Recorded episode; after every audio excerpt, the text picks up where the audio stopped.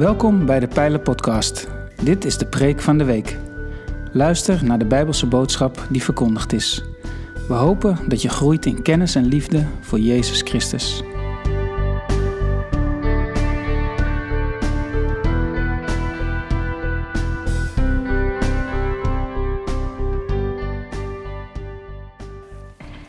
Goedemorgen, broeders en zusters, gasten.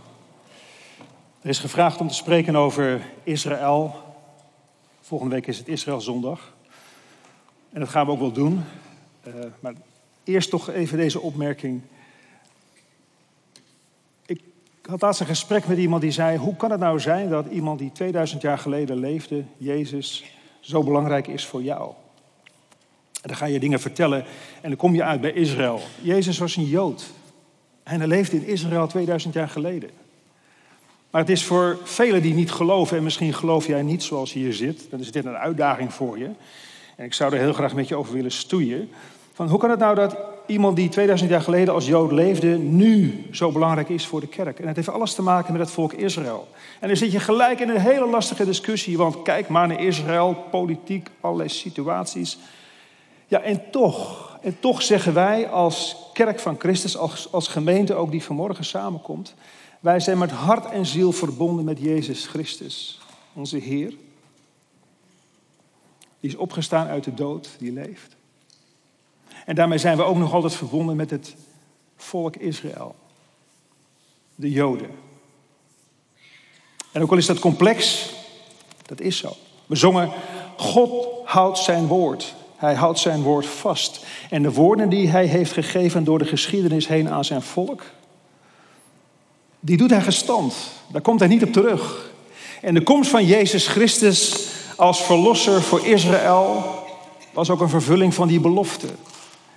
En als wij zeggen, de Heer Jezus leeft, dan is het, mag ik het zo zeggen, een opgestane Jood uit de dood die Heer is van zijn kerk. Maar wat hebben wij gedaan? We hebben dat Jood zijn eigenlijk aan de kant geschoven, Israël aan de kant geschoven, de belofte van God aan zijn volk aan de kant geschoven. En heel lang hebben mensen gedacht en gemeend dat dat volk Israël eigenlijk geen betekenis meer heeft vandaag de dag. Morgen begint nieuwjaarsfeest, Rosh Hashanah. Interessant dat, dat, dat, dat juist het Joods zijn in de Bijbel tot op de dag van vandaag tot uitdrukking komt in die feesten. Joden hebben nu hun nieuwjaarsfeest. Daar worden in diverse synagogen op dezelfde dag honderd keer een bazuin gehoord. Een ramshoorn. Er wordt een stoot aangegeven. En het wordt lang en diepgaand gedaan. En zo bereiden Joden zich voor op een tijd van inkeer.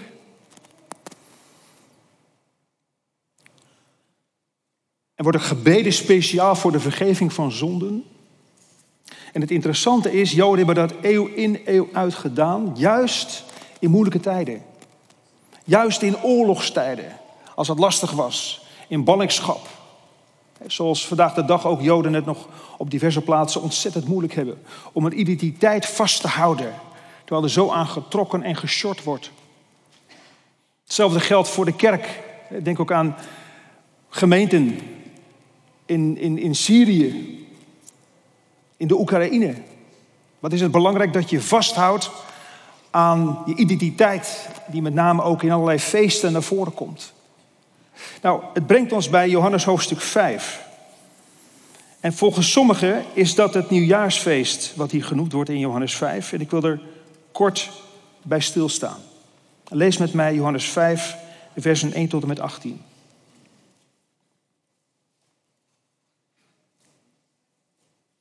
Daarna was er een Joods feest en Jezus ging naar Jeruzalem. In Jeruzalem is bij de schaapspoort een bad met vijf zuilengangen. Dat is in het Hebreeuws het Sata. Daar lag een groot aantal zieken, blinden, kreupelen en misvormden. Er was ook iemand bij die al 38 jaar ziek was. Jezus zag hem liggen. Hij wist hoe lang hij al ziek was en zei tegen hem: Wilt u gezond worden? De zieke antwoordde: Heer, als het water gaat bewegen, is er niemand om mij erin te helpen. Ik probeer het wel, maar altijd is een ander al voor mij in het water. Jezus zei, sta op, pak uw mat op en loop. En meteen werd de man gezond. Hij pakte zijn slaapmat op en liep. Nu was het die dag Sabbat. De Joden zeiden dan ook tegen de man die genezen was, het is Sabbat. Het is niet toegestaan een slaapmat te dragen. Maar hij zei tegen hen, diegene die mij genezen heeft, zei tegen mij, pak uw mat op en loop. Wie zei dat tegen u? vroegen ze. Maar de man die genezen was, kon niet zeggen wie het was, want Jezus was al verdwenen omdat er zoveel mensen waren. Later kwam Jezus hem tegen in de tempel en toen zei hij tegen hem, u bent nu gezond, zondig daarom niet meer. Anders zal u iets ergers overkomen. De man ging aan de Joden vertellen dat het Jezus was die hem gezond had gemaakt. Het was omdat Jezus zulke dingen deed op Sabbat dat de Joden hem wilden vervolgen. Want Jezus zei, mijn vader werkt aan één stuk door. En daarom doe ik dat ook. Dat was voor de Joden een reden te meer om hem te willen doden. Want niet alleen ondermijnde hij de Sabbat, maar bovendien noemde hij God zijn eigen vader. En stelde zichzelf zo aan God gelijk. Het is interessant hè, als je het Johannes-evangelie doorleest, gaat Jezus van feest tot feest. Hij viert het Loofhuttenfeest. Hij viert een paar keer Pesach, het paasfeest. Hij viert zelfs het feest dat wij niet eens zo goed kennen, het vernieuwingsfeest. Naar aanleiding van een oorlog die de Joden voerden in de tweede eeuw voor Christus. Joden hebben altijd zeer aan hun feesten vastgehouden. Daar zit het hart van hun identiteit. En wat Jezus nu laat zien in deze geschiedenis is dat hij is gekomen om feitelijk die feesten voor een groot deel ook te vervullen. En als hij de Heer van de kerk is, dan past het ons om ons te verdiepen in die feesten. En met name in deze geschiedenis. En ik ga met u kijken naar een aantal details. En ik heb net in het gebed gezegd, houd het vast, details doen ertoe. Mensen, wij leven in een tijd dat ongelooflijk snel wordt geoordeeld. Mensen ongelooflijk snel conclusies hebben. Oh, maar ik weet wel wat dat betekent. Oh, ik weet wel wat dat bedoelt. Maar ook elkaar op die manier de maat nemen. Heel snel oordelen. Mensen, oh, 38 jaar ziek. Ja, je zal wat gedaan hebben. Denk aan Johannes 10. Er zit een blinde man langs de weg. En de leerlingen zeggen: Heer, wie heeft gezondigd? Hij of zijn ouders? Wij zitten in een cultuur waarin we voortdurend uit de heup schieten. Heel snel denken dat we onze conclusies kunnen maken. Polariseren aan de lopende band. Oh, denk jij zo? Nou, dan zul je wel daar horen. Niet alleen politiek, maar ook geestelijk. Wat wij gaan zien is dat de gemeente van Jezus Christus, die uit het Joodse volk opkomt en die het geheim van de feesten is gegeven, een gemeenschap is die overstijgend is. Het maakt niet uit hoe oud je bent, het maakt niet uit hoe ziek je bent. Al ben je 38 jaar ziek, heb je veel gestudeerd, heb je weinig gestudeerd, welke taal je spreekt, welke achtergrond je hebt, maakt niet uit. Jezus ziet de enkeling. En het is verbijsterend als we dit naar voren gaan halen uit die geschiedenis. Echt heel mooi. Want wat staat er? Moet je kijken.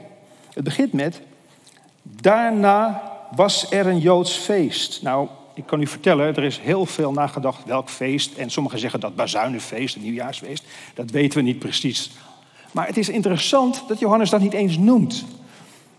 Met andere woorden, hij spreekt hier eigenlijk tot u en mij, tot mensen die weinig weten van die Joodse feesten. Dus hij zegt gewoon, er was weer eens een Joods feest. En het begint bijna als een soort sprookje. Er was eens een Joods feest. en dat vind ik zo mooi. Dat Johannes zo zijn evangelie hier in hoofdstuk 5 begint. Er was eens een Joods feest. Precies. Juichen. En Jezus ging naar Jeruzalem. En hou dit vast. Deze zin, werkelijk, we zouden er een dagdeel over kunnen praten. Dit is echt belangrijk. Je moet je voorstellen dat Johannes toen hij het evangelie schreef, het op allerlei manieren kon doen. En hij heeft deze geschiedenis eruit gehaald en zelfs naar voren getrokken. Dit moet al snel komen. En dan beginnen met er was weer eens een Joods feest. En weet je, Jezus ging daarheen. Heeft u er ooit bij stilgestaan dat Jezus een Jood was? Die van kindsbeen af jaarlijks diverse malen naar Jeruzalem ging? Hij was er als twaalfjarige jongen ook, zegt Lucas. En hij verbijsterde de leraren met zijn kennis toen al. Jezus is, toen hij hier kwam, al honderden keren naar Jeruzalem gegaan om feesten te vieren. Honderden. En het maakte deel uit van zijn identiteit. Ik ga een hele scherpe zin uitspreken. En ik doe dit niet eventjes snel oordelen. Ik ben hier jaren mee bezig. Die het Joods zijn van Jezus niet snapt. En zegt er ook niet die wil verdiepen. En dat doet je niks. Die heeft een heel groot deel van Jezus niet begrepen.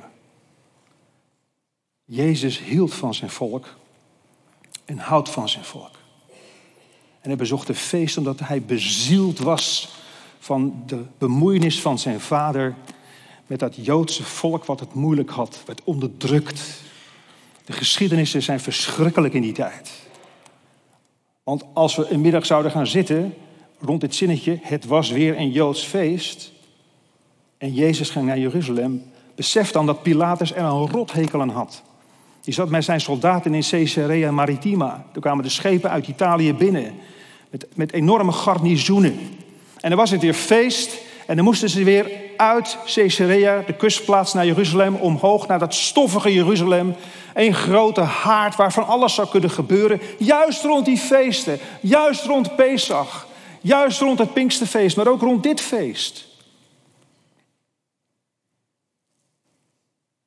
En er hoefde maar iets te gebeuren en een lont in het kruidvat ging aan. Men had de pest aan de feesten. Dus dat lees ik hier als ik begin. Als ik me een beetje verdiep in die tijd.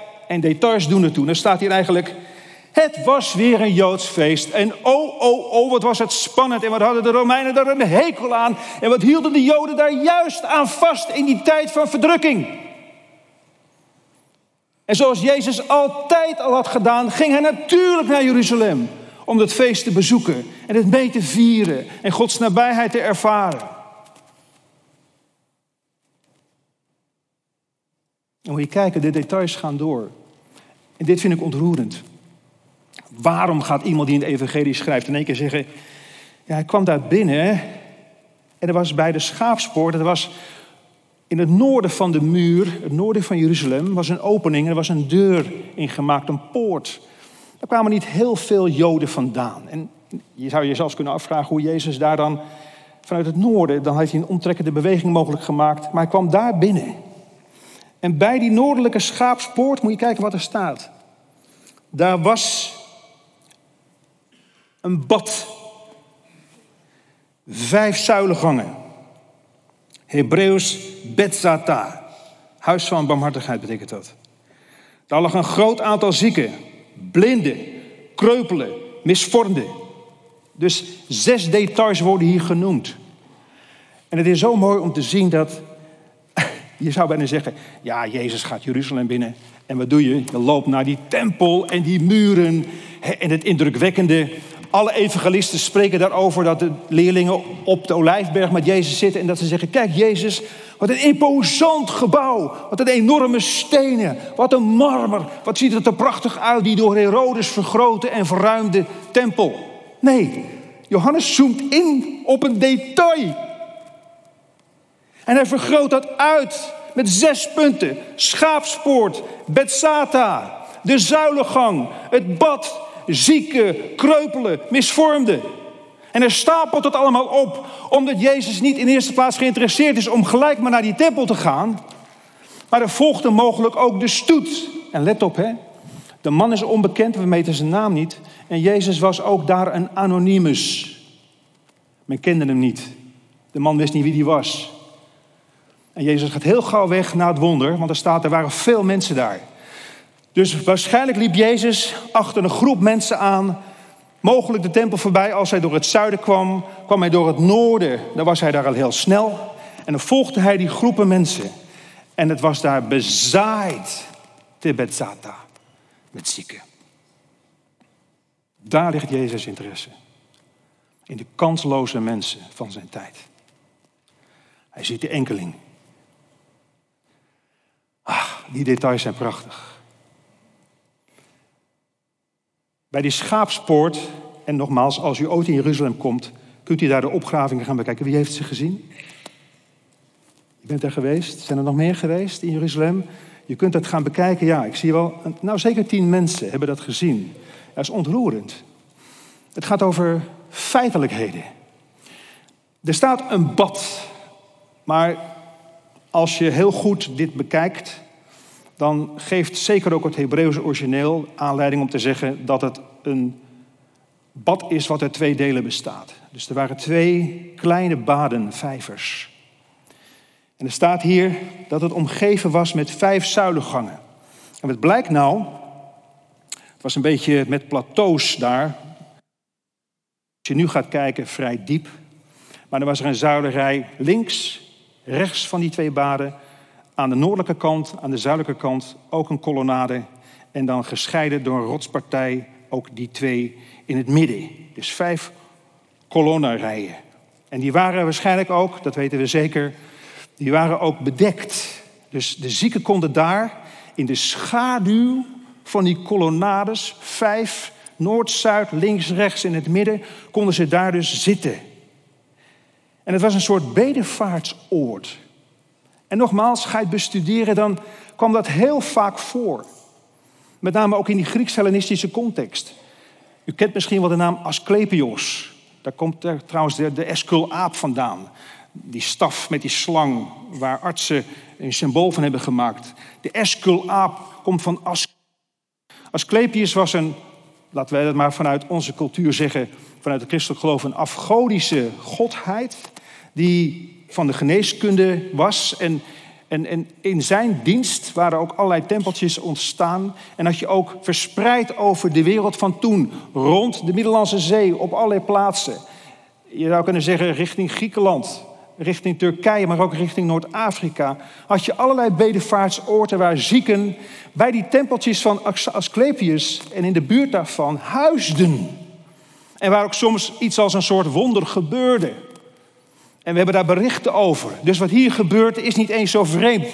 En het is gewoon volksgeloof. Volksgeloof dat op de een of andere wijze deze zieken die er samenkomen mogelijk genezen kunnen worden. En we weten uit de overlevering dat men dacht dat op een bepaald moment een engel uit de hemel kwam. Die kwam naar het water in, een van die twee poelen. En het water bracht dan, het water kwam in beweging. En als je dan als eerste in het water was, dan zou je dus genezen kunnen worden. En misschien was dat ooit een keer gebeurd. Maar weet je, het is zo menselijk. Zoals deze man, 38 jaar ziek. En je probeert alles. Je probeert alles. Nooit geschoten is altijd mis.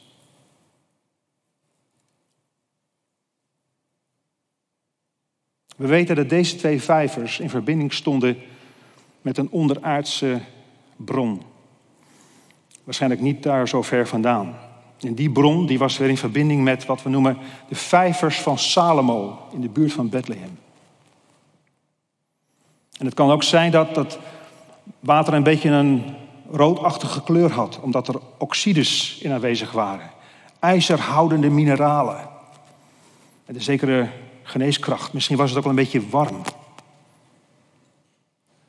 En men schreef daar dus geneeskracht aan toe. Als dat water in beweging kwam en die engel kwam, dat was dan waarschijnlijk gewoon omdat een bron die poel voedde, dat het water in beweging kwam. En dan zegt hij, altijd is iemand mij voor. Dat idee, dat beklemmende. Al jaren. En we weten niet hoe lang die man daar komt. Hè? Hij was 38 jaar ziek. Mogelijk was hij een of andere manier verlamd. Want er staat later dat Jezus zegt: pak je bed en loop. Dus we denken dat hij mogelijk verlamd was. Maar hoe lang hij daar kwam, misschien een jaar, misschien tien jaar. Laten we hopen niet 38 jaar, maar dat zou kunnen. En altijd Als er iets van reuring kwam, waren anderen voor. Je hebt het idee een loser te zijn. Het lukt niet. Kansloos, laten we maar zo zeggen. Kansloos. En het is frappant dat Jezus naar hem toe gaat. Je moet je voorstellen, erg veel mensen daar bij elkaar gepakt. Zeker ook richting het feest. Waren nog meer Joden, nog meer gasten die ook naar de tempel kwamen. Die dachten, laat ik eens een keer gaan kijken naar die arme, kreupele mensen. Die invalide types. Sommigen zijn ziek, sommigen zijn kreupel, sommigen zijn misvormd. Altijd wel iets te zien. En heel gauw je oordeel klaar hebben van nou ja. En zeker vanuit de Joodse achtergrond, bepaalde Joodse achtergronden. Van ja, iemand zal wel enorm gezondigd hebben. Jij of jouw familie of anderen. Er is iets gebeurd. Iets moet het verklaren. En talloze mensen die erheen gaan en denken van nou, ik ga voor de zoveelste keer even kijken of die arme stumpert daar nog altijd zit. Ja hoor, die arme stumpert zit er nog altijd. En het kan zijn dat Jezus deze man al had herkend. Het zou kunnen zijn. Jezus ging naar hem toe en hij zegt tegen hem: Joh, wil je echt genezen? Wil je beter worden? En dan legt die man het uit. Ja, natuurlijk wil ik dat, maar altijd is iemand mij dus voor. Nou, waarom deze details, mensen? Hierom. En ik denk dat dat in de roos is. Waarom vertel ik dit allemaal? Nou, waarom vertelt de Bijbel dit allemaal? Ik heb het al gezegd, details doen ertoe. Wij stappen heel gauw over de details van zieke mensen heen. Kansloze mensen. Mensen met een hunkering naar God. Mensen met een hunkering naar toekomst. Zoals ik al zei, we hebben heel gauw onze oordelen klaar. En er is in de kerk zo weinig ruimte voor mensen die kansloos zijn. We stappen er heel gauw overheen. Als je geroepen bent zoals Jerry thuis, om in de gemeente te staan, dan zul je net zoals Jezus op mensen moeten afstappen die eenzaam zijn, die alleen zijn. Zeg, joh, wat is jouw verhaal? Ik heb jarenlang als voorganger uren met mensen gesproken. Alleen maar om een verhaal te horen. Dit is waarom mensen naar de kerk komen. En dit is ook waarom mensen naar de kerk komen en dan weer heel gauw wegrennen. Want hebben ze Jezus gevonden, maar er wordt eigenlijk niet geluisterd. Er is geen plaats om je hoofd neer te leggen. Er is geen plaats om tot rust te komen. Iedere zondag moet je weer rennen, rennen, rennen, rennen. Komt er een keer rust in je leven? Voor mij is de gemeente van Jezus Christus een plaats van rust waar oog is voor details. Ik zeg, joh, broeder, ik heb begrepen dat vorige week dat en dat is gebeurd. Oh, hoe weet je dat dan? Ja, ik weet het. Vertel maar, hoe is dat zo gekomen? Hoeveel verlossende gesprekken ik met mensen zo heb. Die gesprekken zijn verlossend. Het is heel mooi om te zien. Hier staat dat die man zegt, iedere keer zijn anderen mij voor. Nou, nu gaat Jezus voor hem staan. Je zou kunnen zeggen, hij pleegt een interventie in agogische taal. Hij pleegt een interventie. Hij loopt door de meute heen. En dan weet die man altijd zijn anderen voor. Hij gaat voor hem staan en zegt, joh, hoe is het met jou? Wil jij beter worden? En die man vertelt kort zijn verhaal. Ik denk dat dat maar een samenvatting is van wat echt is gezegd. Wie gaat er nou voor jou ooit staan? Die echt met de ogen van Jezus kijkt en zegt: hey, vriend, vriendin, hoe is het nou met jou? Altijd zijn anderen jou voor. Zit het zo ontzettend tegen je leven? Jammert het van binnen? Ben je boos op de wereld? Boos op mensen? Boos op God? Die pastorale vragen worden te weinig gesteld. En we rennen alweer heen. En er is geen ruimte. En mensen onthouden het helemaal niet. Maar we oordelen wel heel snel. En we hebben heel gauw onze mening klaar. Ook in de politiek. Het is één en al gewoon gemitrailleur. Uit de heup schieten. Oordelen en polariseren. En Jezus zegt alleen maar tegen deze man: Hoe het met jouw leven is, weet ik niet. Maar zondig niet meer. Dus Jezus zegt hoe dat, die ziekte zich vertakt en verhoudt tot jouw zielenleven van binnen. En Jezus had heel vaak dat hij zei, dit is mij niet geopenbaard door de Vader. Even later bij die vrouw kijkt hij dwars door haar ziel heen. En waarschijnlijk ziet Jezus hier wel iets van, joh, laat die boosheid los, want dan zou je nog iets ergers kunnen overkomen. En Jezus wijst hem de weg naar verlossing. Altijd anderen voor. En nu gaat Jezus voor hem staan. En hij doet het voor een tweede keer ook. De man die is genezen, hij weet niet eens wie hem heeft genezen. Hij gaat naar de tempel, precies de plaats waar hij Jezus weer zou ontmoeten. En opnieuw, als er dan een commentaar komt op deze man van wie heeft het dan gedaan? Wie heeft jou dat gezegd? Want jij mag op, op de Sabbat namelijk niet jouw bed pakken, jouw mat pakken. Want een van de 39 regels in het Joods geloof van die tijd was, en het was de 39ste regel, dat je op de Sabbat dus niet iets mag dragen van de ene plaats naar de andere plaats. En daar spreken ze die man in de tempel op aan. En Jezus gaat opnieuw voor hem staan. Luister, zegt hij. Eén ding is helder. Mijn vader werkt tot nu toe. Dus ik werk ook. En ik zie dat als een zin van Jezus die tot deze tijd doorgaat.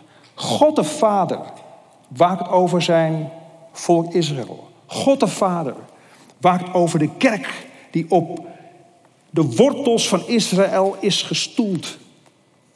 En God de Vader waakt ook over de gemeenschap hier en over jou en over u. En Jezus zegt, zolang als dat plaatsvindt, werk ik ook. Jezus is hier. Jezus spreekt ook hier. Mag ik het dan maar zo zeggen? En het kan voor jou persoonlijk bedoeld zijn. Dat Hij voor jou gaat staan als het ware. En nu door het woord, dat we het zeggen tegen elkaar. En het evangelie laten klinken. Dat Jezus voor jou staat en zegt, joh, hoe is het met jouw ziel? Waar ben jij verongelijkt? Waar is het misgegaan? Waar zitten bij jou zonden in je leven? En alsjeblieft, kom dan. Ga dan staan. Beantwoord Jezus' vraag. Dat is het eigenlijk. En open je hart. Het zou een moment van verlossing kunnen zijn voor jou persoonlijk. Jij telt. Het is interessant, hè? En daarmee wil ik afsluiten. Dat eigenlijk één voor één Jezus het koninkrijk van God bouwt. Eén voor één. Hij gaat naar binnen en hij ziet daar die man. En één voor één laat hij ze eigenlijk binnen. Al die wonderen die daar gebeuren in Johannes Evangelie, in en rond de feesten. Juist dan als de Vader dat feest markeert voor zijn volk, dat Jezus iedere keer één voor één mensen bij elkaar haalt. En dat doet hij ook vandaag. is één voor één. Betekent dat jij telt, dat jij erbij mag horen, maar vooral ook dat jij je hart opent voor Jezus en dat je ook iemand wordt die datzelfde kent, op mensen afstapt en naar de details wilt luisteren. Nogmaals, Details doen het toe. Er is zoveel beunhazerij. De kerk van Christus zit ook vol met die verwachting van dat kan ik ook. Van als je muziekteam ziet, oh dat kan ik ook. Als je preek hoort, oh dat kan ik ook. De kerk is heel groot van het ook, dat kan ik ook gehalte. Maar besef wel dat het gaat om details in de kerk van Christus. Dat je wel dingen moet hebben gezien. Dat je de complexiteit van dingen onderkent. En als jij voor iemand staat, dan staat er een ander universum. Iemand met een leven, iemand met details, iemand met verhalen. Met stukken geschiedenis waar soms bloed aan de paal zit. Waar zoveel is gebeurd. En wie neemt het nou op voor die mensen of voor jou? Jezus, de gemeente en het evangelie. Laten we kort samen bidden.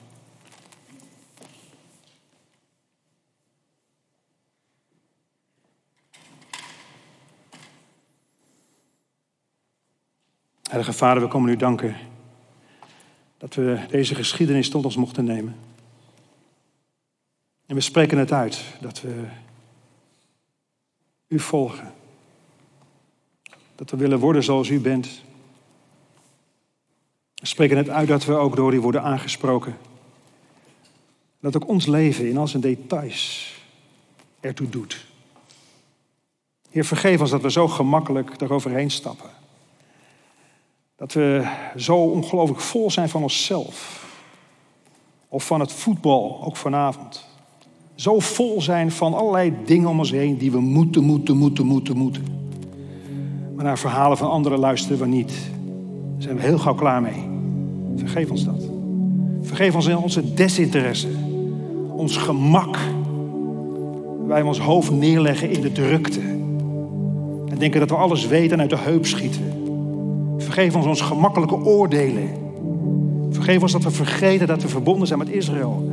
En een overstijgende gemeenschap mogen zijn. En geef ons de geest van uw zoon Jezus om echt ons te verdiepen in details. En de diepte in te gaan van vergeving en verlossing. En niet maar gemakkelijk achterover hangen. Heer, geef ons dat wat daar staat in Johannes 5. Amen.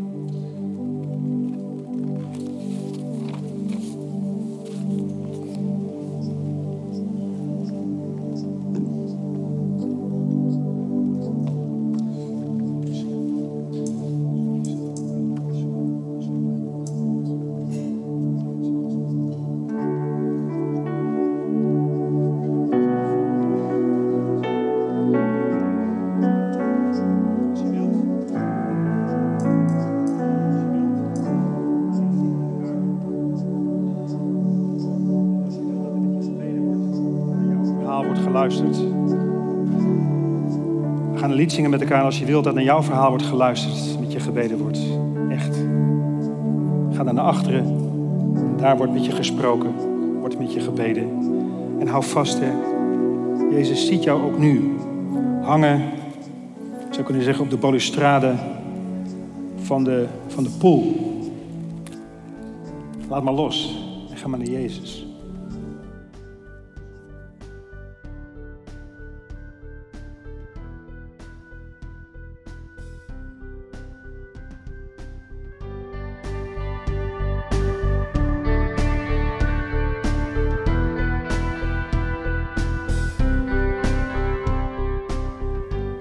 Bedankt voor het luisteren naar deze aflevering van de Pijlen Podcast, Preek van de Week.